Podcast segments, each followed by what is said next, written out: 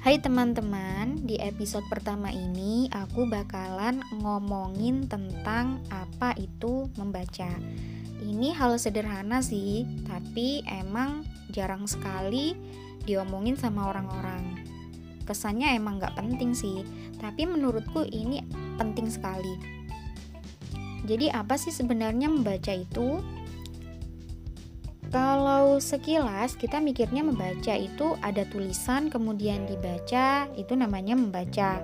Karena membaca itu adalah kata kerja.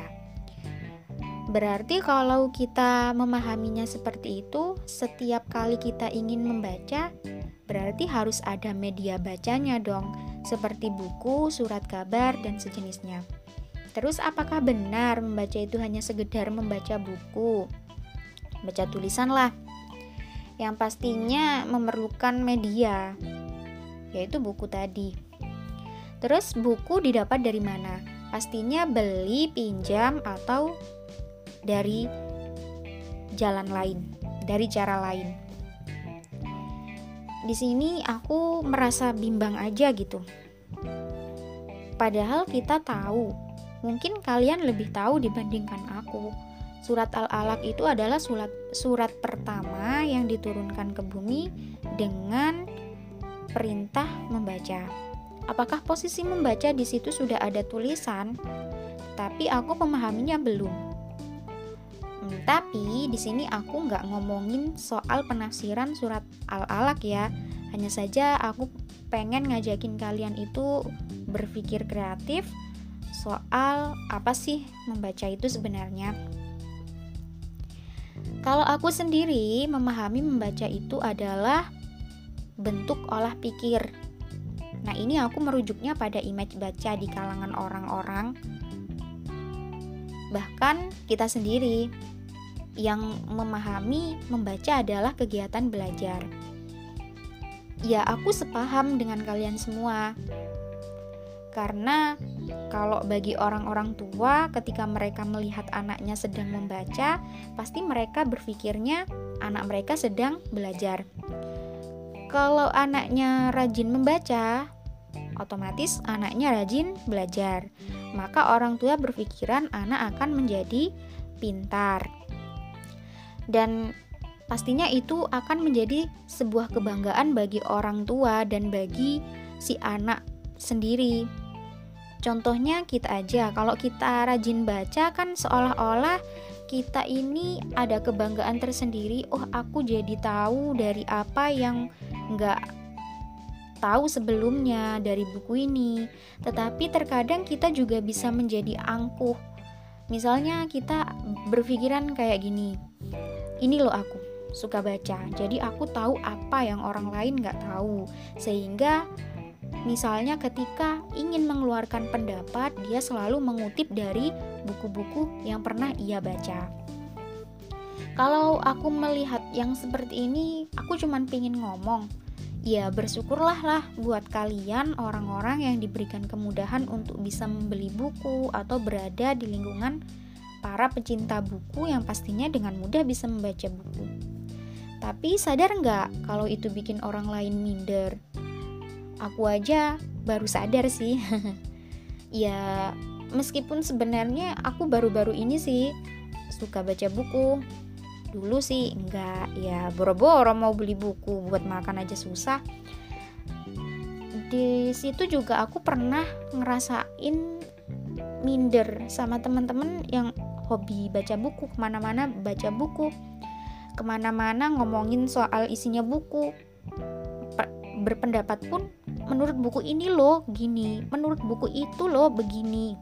Sedangkan aku aku nggak punya buku apa-apa. Mau berpendapat kayak gimana? Mau ngerujukan menggunakan rujukan apa dari buku apa? Gitu. Di situ aku ngerasa kecil gitu. Dan merasa bodoh banget gitu di tengah-tengah mereka. Ada yang ngerasain kayak gitu nggak? Atau misalnya karena kalian sibuk Secara ya sibuk pasti nggak punya waktu luang buat baca buku. Kadang buat mandi aja kita nggak sempat. Ya pasti kalian ngomongnya aku nggak punya waktu buat baca buku. ya gak punya waktu luang gitu. Stop, kamu gak perlu memelas seperti itu. Kata siapa kamu tidak bisa membaca? Kamu setiap hari itu membaca. Kok bisa? Karena aku memahami membaca itu adalah olah pikir. Aku bakalan ngomong bisa. Olah pikir itu apa? Olah pikir adalah di mana pikiran selalu bergerak ketika melihat, merasakan, atau membaca segala sesuatu yang ada di sekitar kita. Sehingga kita menjadi tahu dan menggerakkan pikiran kita untuk memproduksi sebuah pengetahuan baru yang sebelumnya kita nggak tahu. Contoh kecilnya, sebelumnya kan kalau di waktu kecil kita itu melihat segerombolan semut yang jalan bareng itu ya biasa aja bawa makanan itu biasa aja kadang malah kita injek. Tapi ketika kita sudah dewasa kita mulai berpikir ketika melihat semut itu bergerombol. Eh kita tiba-tiba mikirnya kayak gini oh ternyata semut-semut ini ngajarin kita buat bekerja sama loh gotong royong, saling membantu, dan lainnya. Nah, di situ kamu udah baca kamu sudah membaca di situ karena pikiranmu tergerak. Atau bisa bisa jadi kamu melakukan kesalahan yang kamu sendiri nggak tahu. Nggak tahu lah kalau itu sebenarnya salah gitu. Tiba-tiba ada orang yang berbaik hati memberimu nasihat.